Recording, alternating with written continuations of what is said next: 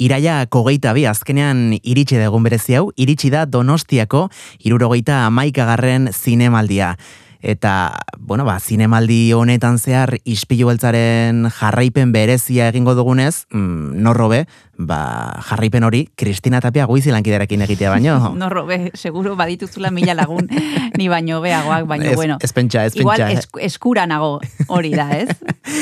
asko dakizu, asko dakizu, zuk ez duzuna baino gehiago. bueno. Eta zinemaldia ez da inbeste, zinemaz jakitea baizik eta zinemaldia nola egituratzen den, nola antolatzen den, Bueno, nola funtzionatzen duen. Baditugulako jaurte batzuk, Claro. zinemaldiak urritzen horregatik izango da. Ez da batera erresa, eh? Ja, handia da, handia da, eta batzutan eh, liosoa suertatu daiteke, bai? Bai, bai, orain aipatzen genuen nola e, zinemaldiko web horrian sartuta hainbeste informazio dago Mm. galdu ere egiten garela.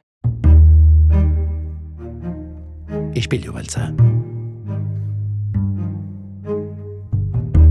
Normalean azken urteetan donostiara turista asko iritsi badira, aste honetan ja izugarria. Azernolako jendetza datorren nazioartetik, ezta mundu osotik, Mm. e, besteak beste, ba, gaur bezalako proiekzioetara. Bai, eta akreditatuak aipatu behar ditugu hasier Bai, guau. gaude akreditatuta, bestela ezingo genuke lanik egin zinemaldian, baino badekizu ia bos mila akreditatu etorriko direla zinemaldira aurten, eta airurogeita mabos herrialdetik etorriko dira. Ostras, eta akreditatu horiek em, zer izaten dira, kazetaria guztiak? E, Bueno, ba, aurten justu ia mila izango dira kazetariak, bederatzireun Guau. eta irurogeita masei, pertsona prentxatik etorriko dira, prentxa akreditatuak, eta bi mila berreun eta iru industriakoak. E, oiek aurtengo datuak beraz, bos mila lagun bakarrik akreditatuak, gero publikoa, claro. Wow, e, bederatzireun eta irurogeita amasei horietatik bi, gu gara.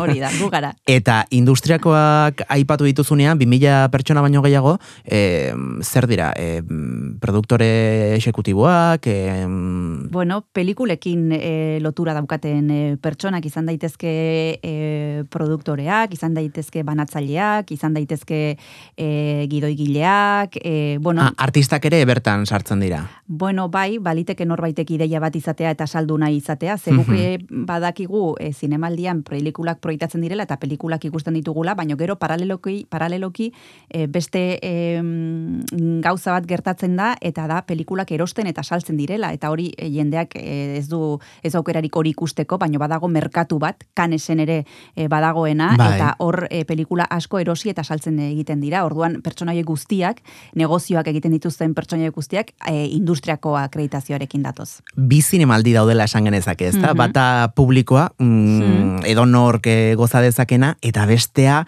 ba, festetan, e, bilera geletan, eta ez, e, koktel Bai. horietan e, manejatzen dena hor, mm, diru asko mugitzen delako, Mhm. eta batez ere kultura asko. E, Josemi Beltranek zuri pasaden ikasturtean esan zizu, nola, bera ere, ba, bere lana denez, e, bueno, ba, beldurrezko zinemaren astea antolatzea, Mhm. kanesen ere, ba, zuzen, pelikula askoren bila joaten den, ez? Eta, Bai, e, berak hori kontatuzun, e, berak kanesera joaten da, baino ia ez du pelikularik ikusten, berak negozioak egiten ditu, tratuak izan Claro. ditu, saiatzen da e, bai e, beldurrezko asterako pelikulak ekartzen, eta baita giza eskubideen e, zinemaldirako ere bai, eta hor egoten da, ba, ba, ba, banatzailekin eta eta ekoizlekin e, tratuak izen, eta hemen donostian ere gauza bera gertatzen da. Eizan, eizan izango dugu jendea, e, datu gehiago ere badauzkagu, berrogeita emezortzi herrialdetako berreun eta hogeita amabi obra edo lan izango ditugu Mhm. aurten, errex esaten da, eh? Zazpi Bai. egunetan berreun eta hogeita amabi titulu. Bai,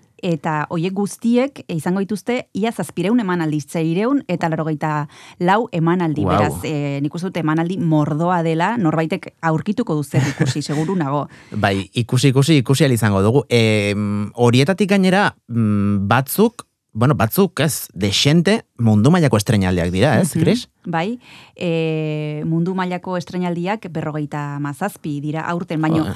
interesgarriena da jakitea berreun eta hogeita mabi pelikula jarriko dituzte, e, berreun eta berrogeita amabi e, titulu, baino badekizu hautaketa batzordeak zenbat film ikusi dituen eta hortik e, berreune hoiek e, atera dira zenbat, ez- Jo. zenbat esango zenuke hasier.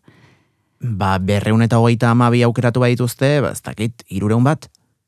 Ba, lau mila eun da larogeita lau. Wow. Eta batzordeko kide bakoitzak lau mila pelikula ikusi ditu? Ez, guztira.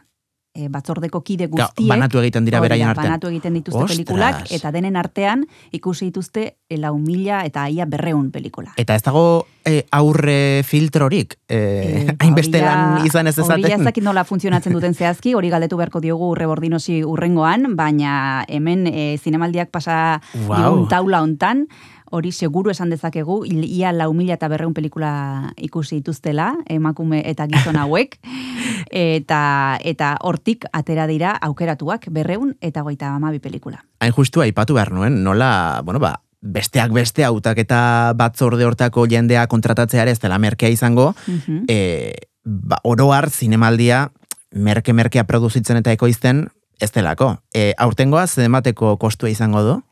Aurtengo zinemaldiak kostatuko du bederatzi milioi euro. Wow. Gero Mhm. egia da hori ere, bueno, bueltan jasoko duela iriak, Bai, eta ikerketak egiten dituzte horren inguruan, okerrez banago zinemaldia pasatzen denean eta urte bukaeran memoriak eh, ateratzen dituzte eta hor eh, orain buruzari naiz, baina egiten dituzte eh, bueno, eh, ikerketak jakiteko eh, zenbat diru uzten duen zinemaldiak hirian, hainbat arlotan, eh, ostalaritzan, hoteletan, taxietan eta bar eta bar eta bueno, nik orain ez dizut esango zenbakirik ze oker, eh, okertu egingo naiz, baina bueno, uste dute nahiko kantitate handia dela. Bai, bai, eta, em, bueno, lasai, eh? Hemen donostiarrak izango zerate gehien entzungo duzuena gizpilu beltza, lasai bederatzi milioi horiek ez ditugula donostiarrok bakarrik ordaintzen gure poltsikotik, eh? Mhm. Dirua toki askotatik eh, Mhm. datorrelako, eta, mm, bueno, zinema, zinemaz beteriko aste izango dugu hau, Chris, em, zinema areto kopuruak ere aipatu beharko ditugu, hoiek ere badirelako, ez da? E, aste hontako protagonistak. Bai, behar, dite, behar ditugulako zinema aretoak, hogeita iru daude donostian, e, bueno, hogeita iru daude donostian ez, hogeita irutan ikusiko ditugu zinemaldiko pelikula ze badaude gehiago, e, badekizue e, tabakaleran, antigoberrin e, eta gero kursalean, Victoria Eugenian eta antzokitzarrean e, pelikulak ikusteko aukera izango dura, trueba zinemetan ere bai, E, eta, bueno, hogeita hiru leku hoietan, ba, hogeita hiru zinema areto hoietan, pelikula mordoa ikusteko aukera izango dugu. Gogoratzen zara, Chris, eh, pasaden urtean, okerez bali manago, mm, Paulo Orma etxea eh, izan zen Berlinalen?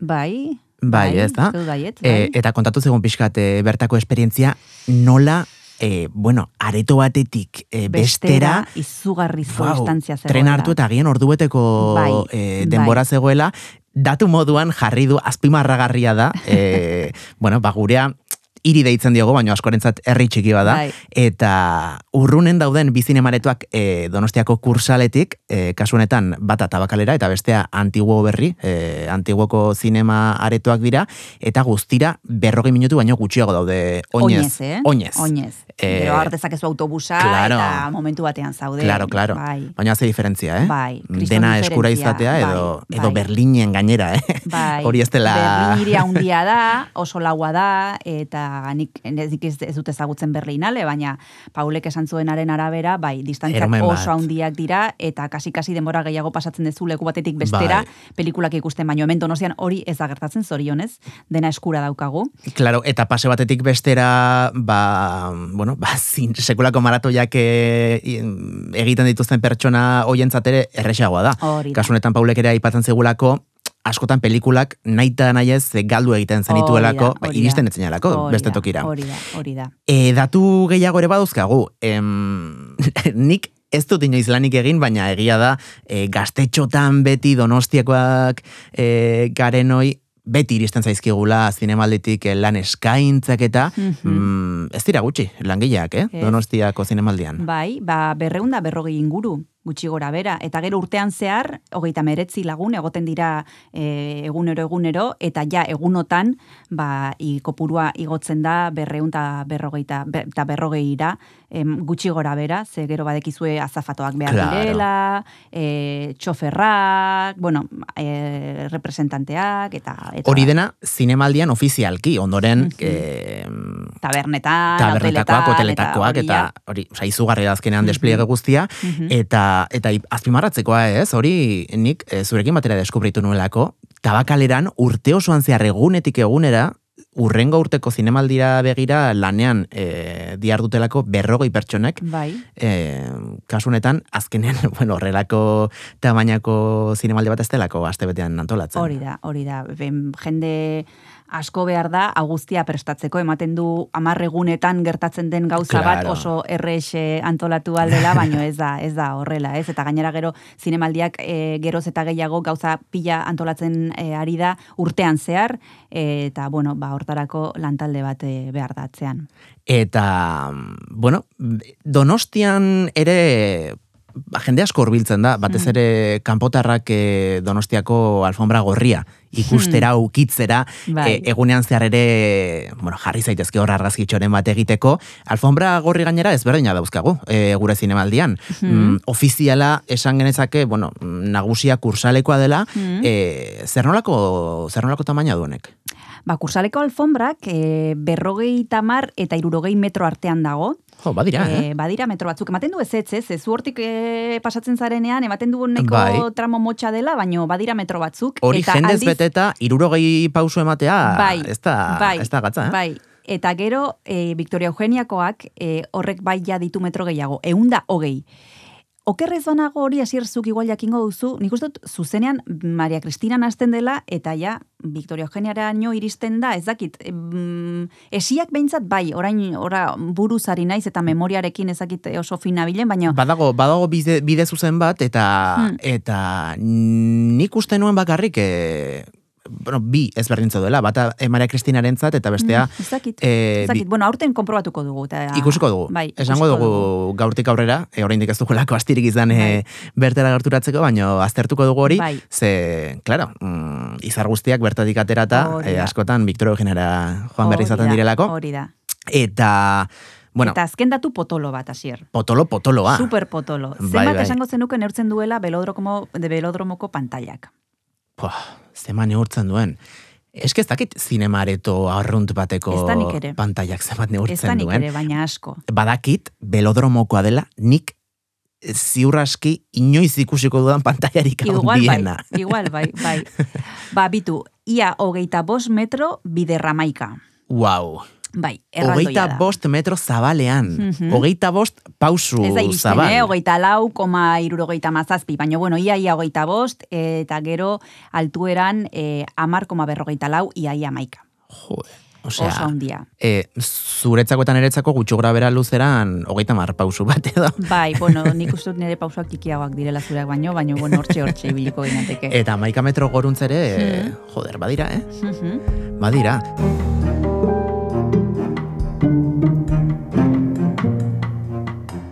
Jo, ba, ba, aizu, datu bitxe hauekin eh, hasiera emango diogu ispilu beltzako gure zinemaldiko saio berezi hauei aipatzea. Asteburuan zehar gu mm, disfrutatzen egongo garela, zuek bezala, eh, areto zareto, filmez film, baina eh, astelenetik ostiralera ere urrengo astean sekulako pertsonaiak izango ditugula gurean, Ez dizkizuego aurreratuko zeintzuk izango diren, baina geratu gurekin e, pena merez izango du eta. Gaurkoan gainera, mm, lehenengo eguna estreinuan, ba, argi eta bargi geneukan, ez da? Nor gonbidatu behar genuen gurera. Bueno, ba, bai, argi geneukan eta tartetxo bat atera du gurekin hitz egiteko zuzendaria, Jose Luis Rebordinos izango dugu gurekin gaur, kontatuko digu nolakoa izango den aurtengo edizioa eta beste gauza batzuk ere bai.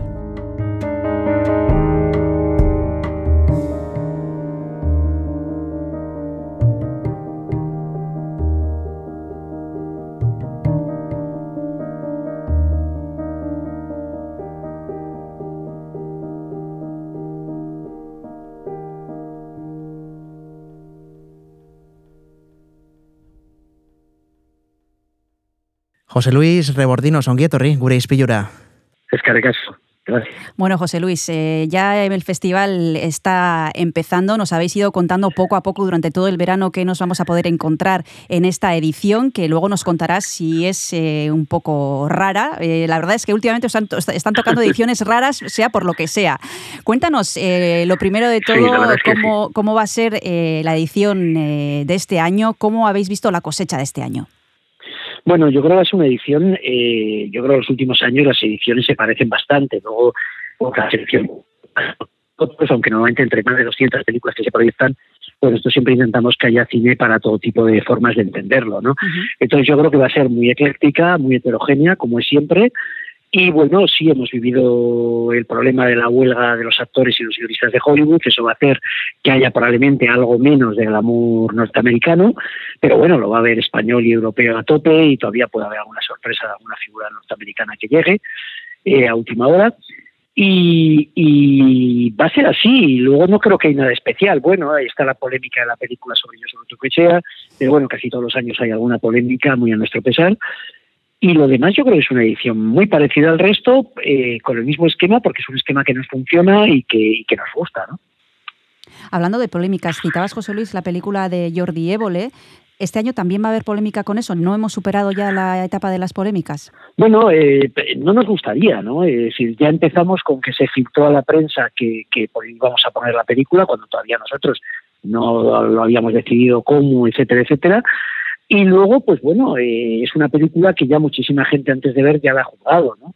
Eh, diciendo que es blanquear a ETA. Bueno, la película arranca con una víctima de ETA y acaba con una víctima de ETA, que además ha visto la película y no tiene ningún problema con ella. Me imagino que un poco de respeto esta víctima también se merece, ¿no? Por cierto, una víctima que fue acribillada en un atentado en el que participó yo sobre Tecoechea, eh, alias Terrera, ¿no? Entonces, eh, yo creo que hay que ver la película, que hay que escuchar a todos los que salen de esa película, fundamentalmente a Josu Ternera y a, y a, esta víctima, y bueno, yo diría que es una buena película, es una buena película en no diría que contextualiza perfectamente quién es el señor Ternera, eh, para mí un asesino perteneciente a una banda fascista y asesina, pero que eh, de alguna forma influyó en los últimos años de vida de este país y es interesante saber eh, dónde estuvo y por qué. Es decir, a mí me hace mucha gracia cuando nos dicen vais a humanizar a Jesús Ternera. Yo Ternera es un ser humano. Que hiciera actos monstruosos no hace falta que nadie lo humanice, es un ser humano. Desgraciadamente, eh, la gente que a veces hace actos monstruosos a lo largo de la historia son seres humanos como todos nosotros. Lo que sí puedo asegurar es que el documental no blanquea ETA para nada, ¿no? Entonces, bueno, es una polémica eh, bastante artificial, yo creo, en muchos aspectos, y en otros, por supuesto, yo entiendo que puede haber víctimas del terrorismo, que el simple hecho de que se le dé la palabra a Josu Ternera le puede hacer daño. Bueno, pues eso lo siento de verdad, porque no es la intención, pero creo que a las víctimas eh, hay que cuidarlas, eh, hay que darles toda nuestra solidaridad y nuestra ayuda, pero luego la sociedad tiene que seguir pensando, reflexionando, discutiendo, intentando entender eh, lo mejor posible que pasó en este país durante todos estos años. y José Luis, en cuanto a la sección oficial, eh, ¿qué nos puedes contar? ¿Este año cómo viene? ¿Viene fuerte? ¿Viene con ganas? Hombre, a nosotros siempre nos parece fuerte porque nos encantan las películas que están. Yo creo que viene, como siempre, muy variada. Tal vez creo que, que hay un poquito más de riesgo, eh, de riesgo por los dos lados. el público se va a encontrar películas muy radicales como puede ser la película Kistipuyu o como puede ser Kalak, y por otro lado se van a encontrar películas que a nosotros parecen buenísimas, pero de un corte mucho más comercial, como puede ser Royal Hotel, que es una película norteamericana muy bien escrita e interpretada y que se parece más al cine, a la narrativa típica norteamericana, o Fingernails, que es también una comedia, bueno, una comedia, es una especie de comedia-drama sentimental con ciencia ficción, ¿no? Entonces creo que es que hay bastantes más extremos eh, pero creo que es una selección muy, muy, muy atractiva. Yo me gustaría verlas por primera vez. Unas te gustarán más, otras menos, pero creo que son productos, todos ellos con muchísima personalidad. ¿no? Hablabas antes, eh, José Luis, de que este año posiblemente en las alfombras rojas eh, veamos actores y actrices españolas, principalmente debido a la huelga en Estados Unidos, haciendo referencia a ese cine español. ¿Cómo es la cosecha de este año y también la del cine vasco? ¿Cómo lo has visto? Bueno, yo creo que pasamos por un buen momento de cine español y de cine vasco, no, solo por la presencia en San Sebastián, sino también por la presencia en todo el año en los festivales internacionales. Eh, bueno, por ejemplo, de cine vasco, 20.000 especiales de abejas, estuvo en Berlín y ahora está prenominada para los Oscars. Es una película que vuelve, después de ser premiada en Málaga, vuelve a San Sebastián inaugurando eh, Cinemira, ¿no? Eh, hay muchas películas y muy diferentes en la cinematografía nacional y en la vasca, ¿no? Eh, yo creo que ambas viven un muy buen momento, yo creo que el cine vasco vive un momento de oro, que yo espero que dure, eh, porque creo llevamos siete años ya, si no me equivoco, donde hay presencia vasca en la competición oficial de San Sebastián. Ya no recordamos que antes eso no existía. y, y, os puedo asegurar que no aplicamos ningún tipo de cuotas. desde que se puso Loreac, hemos tenido todos los años alguna película que realmente nos gustaba para la competición oficial, ¿no? Y de lo mismo, de la misma manera que antes no las enteró porque no les veíamos en nivel, Pues ahora es que todos los años tenemos. Este año tenemos la película de Isabel Herrera, que es una joya de la animación, artísticamente es mm. una pasada, eh, El sueño de la sultana. Y luego está la película de Jayone Camborda, que no es de producción vasca, es producción española, gallega, etcétera, pero que realmente eh, es una directora también de San Sebastián, ¿no? de Donostierra. Bueno, yo creo que, está funcionando por una de las políticas públicas. Creo que el gobierno vasco lleva años haciendo por lo menos de notable en el tema de, la, de la financiación y la ayuda al cine, vasco y la presencia. Nuestro consejero de Cultura a los festivales donde hay películas vascas, las apoya. Parece una tontería, pero es muy importante ese tipo de cosas. Creo que TV también está haciendo un trabajo, las asociaciones de productores, de productores, el propio festival con su granito de arena. Y luego yo hablaba de que así como hasta hace poco estábamos recogiendo los frutos de aquello que llamábamos o que llamó mucha gente la generación quinoa, ahí sale toda la gente de Moriarty, ¿no? Por ejemplo, eh, ahora estamos viviendo, o Kisi, Asier Altuna, todo esto, eh, Borja Cobeaga, todos esos salen de ahí, pero creo que ahora empezamos a vivir el comienzo, quedan unos años de lo que va a ser la generación tabacalera, ¿no?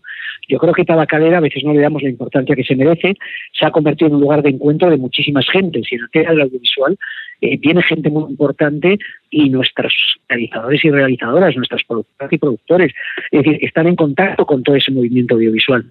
Y insisto, creo que en poco tiempo eh, vamos a ver un auge de todo ese cine que sale un poco de, ese encuentro, de ese lugar de encuentro que estaba Calera.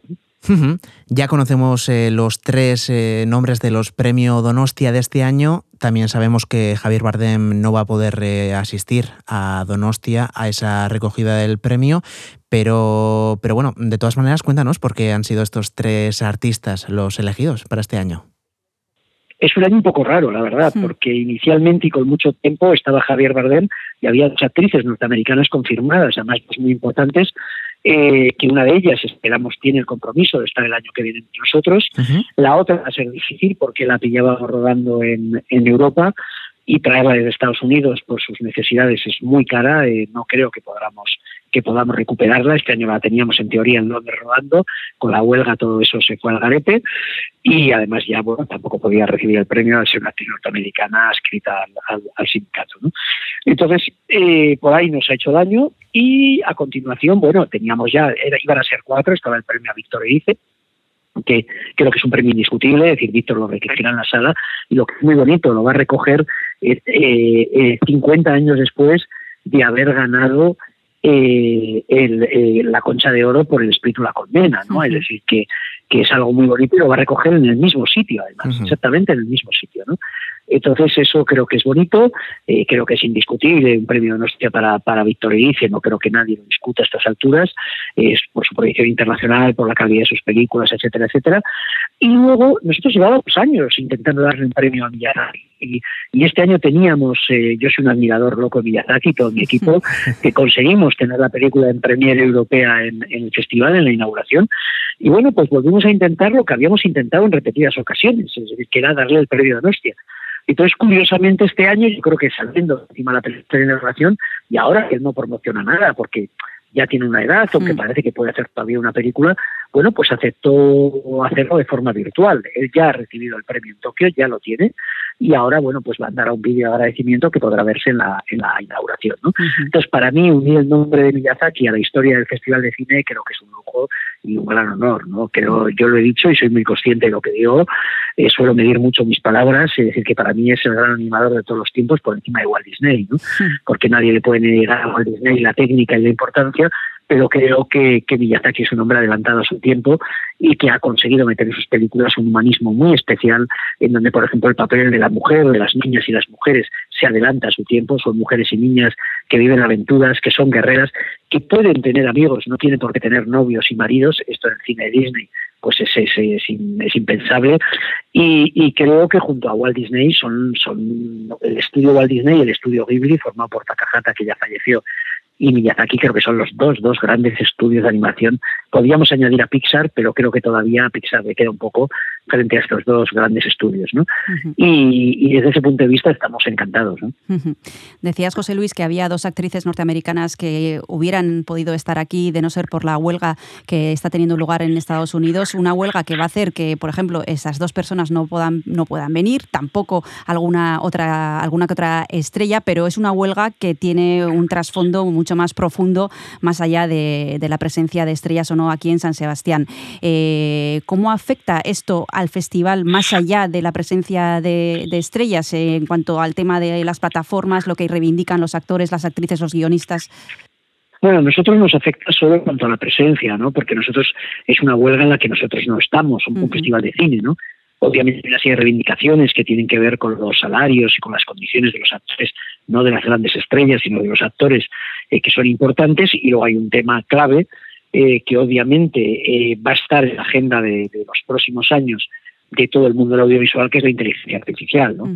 Está claro que la inteligencia artificial necesita una regulación, necesita ideas claras, necesita acuerdos, y bueno, ojalá esta web sirva para que se negocie, se hable y salgan acuerdos que sean beneficiosos para todos. ¿no?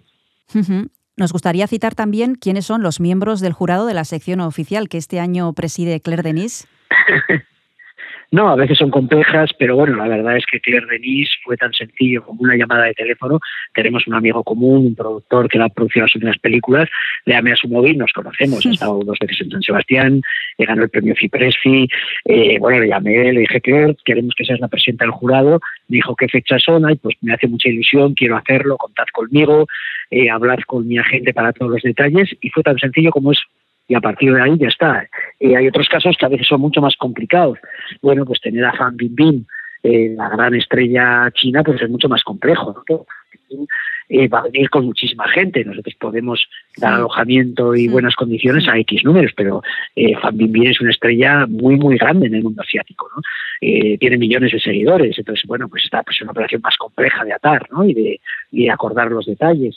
Luego lo demás no ha sido muy complejo. ¿eh? Yo creo que es uno de nuestros mejores jurados. Está Petzol, que es un director que yo adoro.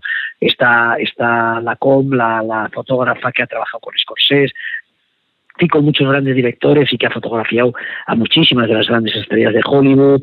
Está Cristina Gallego, vieja conocida del festival también, una gran productora colombiana que es una gran amiga del festival, ¿no? Vicky Luengo, pues Vicky Luengo es muy fácil, también se le llama y se la propone y está encantada, ¿no? Es un encanto de mujer y conoce muy bien el festival.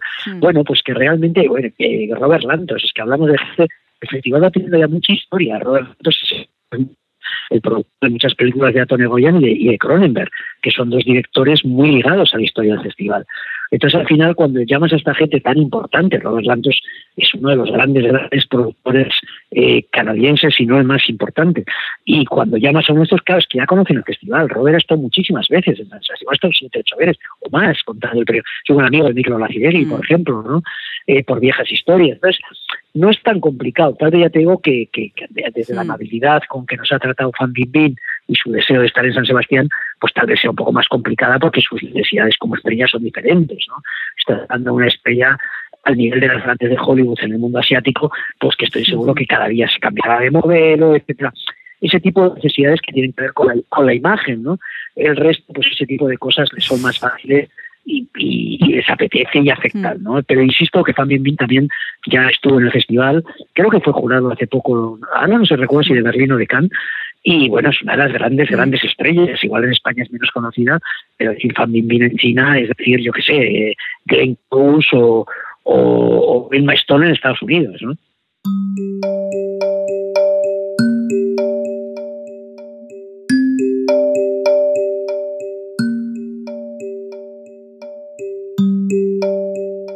Eh, José Luis, más allá de las películas, de las proyecciones, de los premios, eh, también, ya que te tenemos aquí, nos gustaría saber cómo es un día en el Cinema al Día de José Luis Rebordinos, eh, porque me imagino que tanto los días previos como sobre todo los días en el que se celebra el Cinema al Día serán días ajetreados y sobre todo intensos emocionalmente.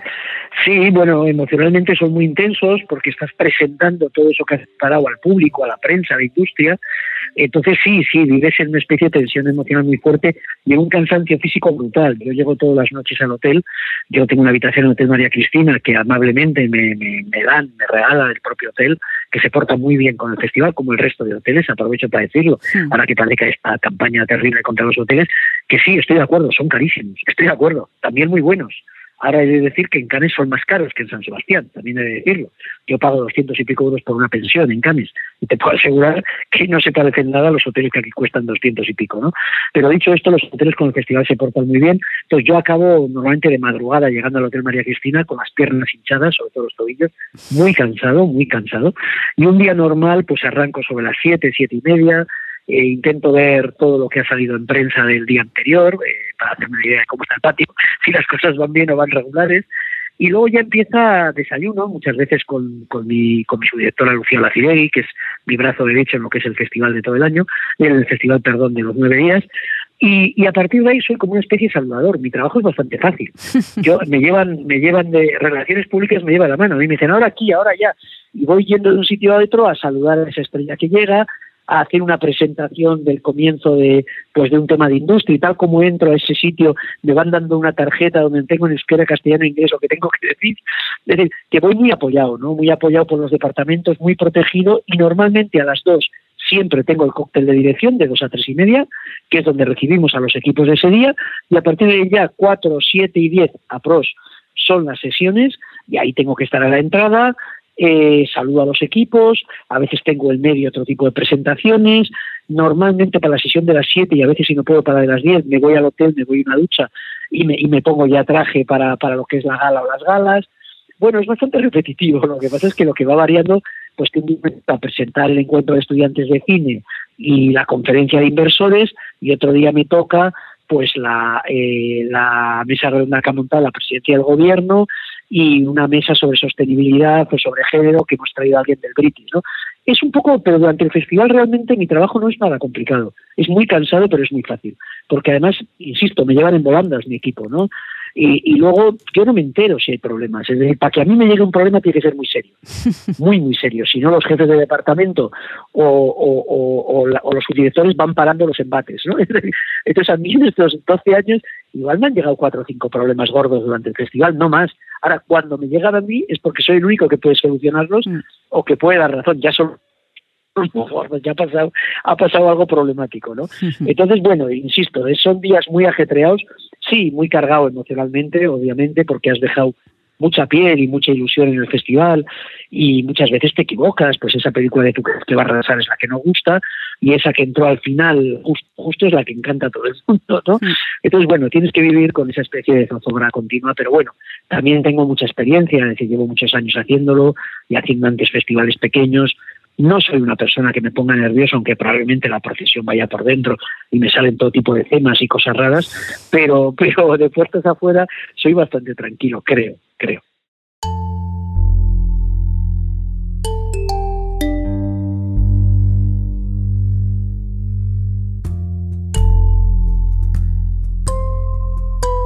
Bueno, pues a ver si se mantiene este año también esa tranquilidad, esta 71 edición del Festival de Cine San Sebastián que arranca ya, nueve días por delante para disfrutar del cine, recogiendo la frase que muchas veces José Luis suele repetir, seguro que hay una película para ti, que se proyectan más de 200 títulos, así que nada, invitamos a los oyentes a que si todavía no lo han hecho ya, investiguen y vayan intentando coger las entradas que quedan eh, para disfrutar de estos eh, días de cine. Muchísimas gracias, José Luis Rebordinos, por haberte acercado a Donostia Cultura y Ratilla. Un abrazo y hasta la próxima. Gracias a vosotros.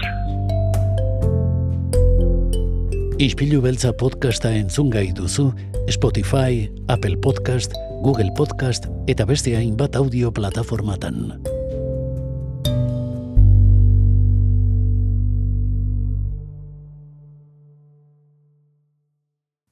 Bueno, bueno, bueno, honek ja badu, badu zinema usaia Chris, eta, bueno, niretzako egia da, ofizialki ofizialki zinemaldia naiz eta orain bertan e, filmak ja proiektatzen ari diren, e, aretoetan eta bai kursalean, eta baita Victor Eugenean ere, e, niretzako gaur gauean hasiko da zinemaldia. Bueno, egia da, ze teknikoki zinemaldia hasi da, ze pelikulak hasi dira proiektatzen ja gaur goizetik, goizean goiz hasi dira proiektzioak, baino gala, irekiera gala, gaur gauean izango da, eh, esan behar dugu aurkezleak izango direla Gorka Otsoa eta Eba H, beraz nik uste dut umorea egongo dela, bai, ez da. eta gala horrek emango dio modu ofizialean esan genezake e, irekiera aurtengo zinemaldiari bai.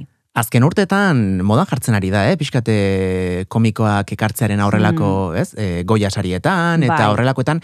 Egia delako beti nahiko kritika zurrunak izan dituztelako horrelako ekitaldiak. Bai, e, nire iritzi pertsonala da gal hauek oso astunak izaten direla beti. Zurea eta ba- Baldin eta ez bai. bazara, e, gorkautxoaren ama.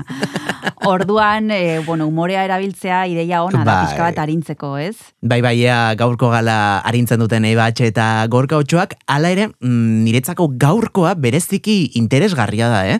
E, Azken urtetan irekiera galan, bagian niri hainbeste erakartzen zidaten artistak egon direlako, baina gaurkoa, puau.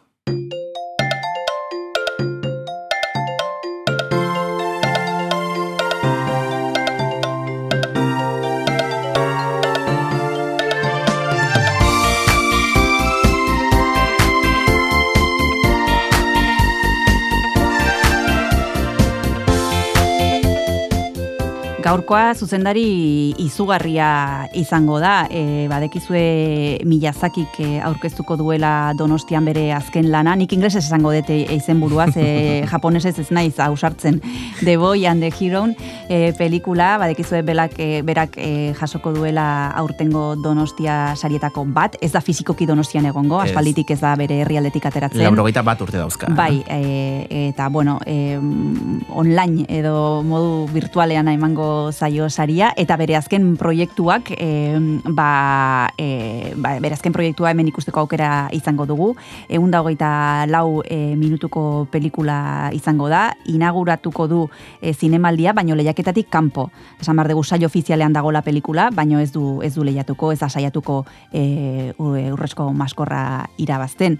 E, bueno, e, Miyazaki e, izugarrizko nik ez eta errepasatuko hemen bere, bere karrera, baino izugarrizko karrera dauka, zuetako askok e, seguro ikusiko e, zenituztela ba, Totoro, e, Chihiroren bidaia. Bai, bai, hori da, bueno, ba, mila, mila pelikula interesgarri, e, inflexio puntu bat markatu zuena animazioan, Glibi estudioarekin.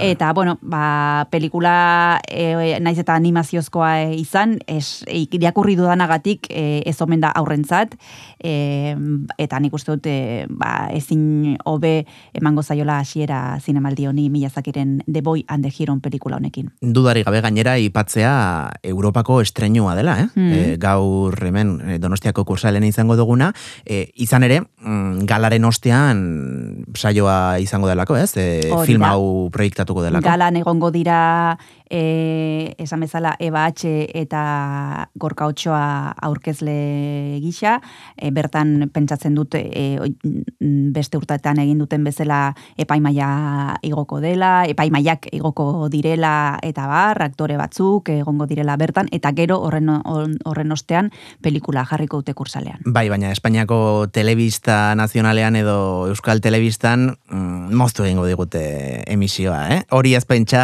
Hori da, pelikulan ikusi nahi izan ez gero, e, zinemaldian izan beharko da, e, Bueno. sarreraren bat lortzen baduzu ez. Bueno, eh, bueno. Momentu hontan e, ez dago sarrerarik e, Miyazakiren e, pelikularen zat, beraz nik uste dut ja gelditzen zaigula itxarotea zinema arruntetan ere egongo delako, dut segituan, ezakit noiz zehazki, baina, baina bueno, igual entzule batek lortu du sarrera, eh? Ziur bat baino gehiago Seguro baietz. ziur baiet eta hemendik aizun ere kritika zinemaldiko antolakuntzari e, mesedez pase gehiago nahi ditugu e, aiao milazakiren filma ikusteko Bueno, bai dire, a ber, bat, bi, iru, lau, bost, sei, sei pase daude. sei pase eta donostian e, berreun mila pertsona baino gehiago Baina, bizi gara pentsa izan behar dela nahiko zaila kuadratzea e, guztia, eh? Berreunda, esan dugu lehen, e, berreunda goita maui pelikula, e, seireunda piko pase, norbaitek inten du estel hori, eh? Ez nuke nahi bere larruan egon.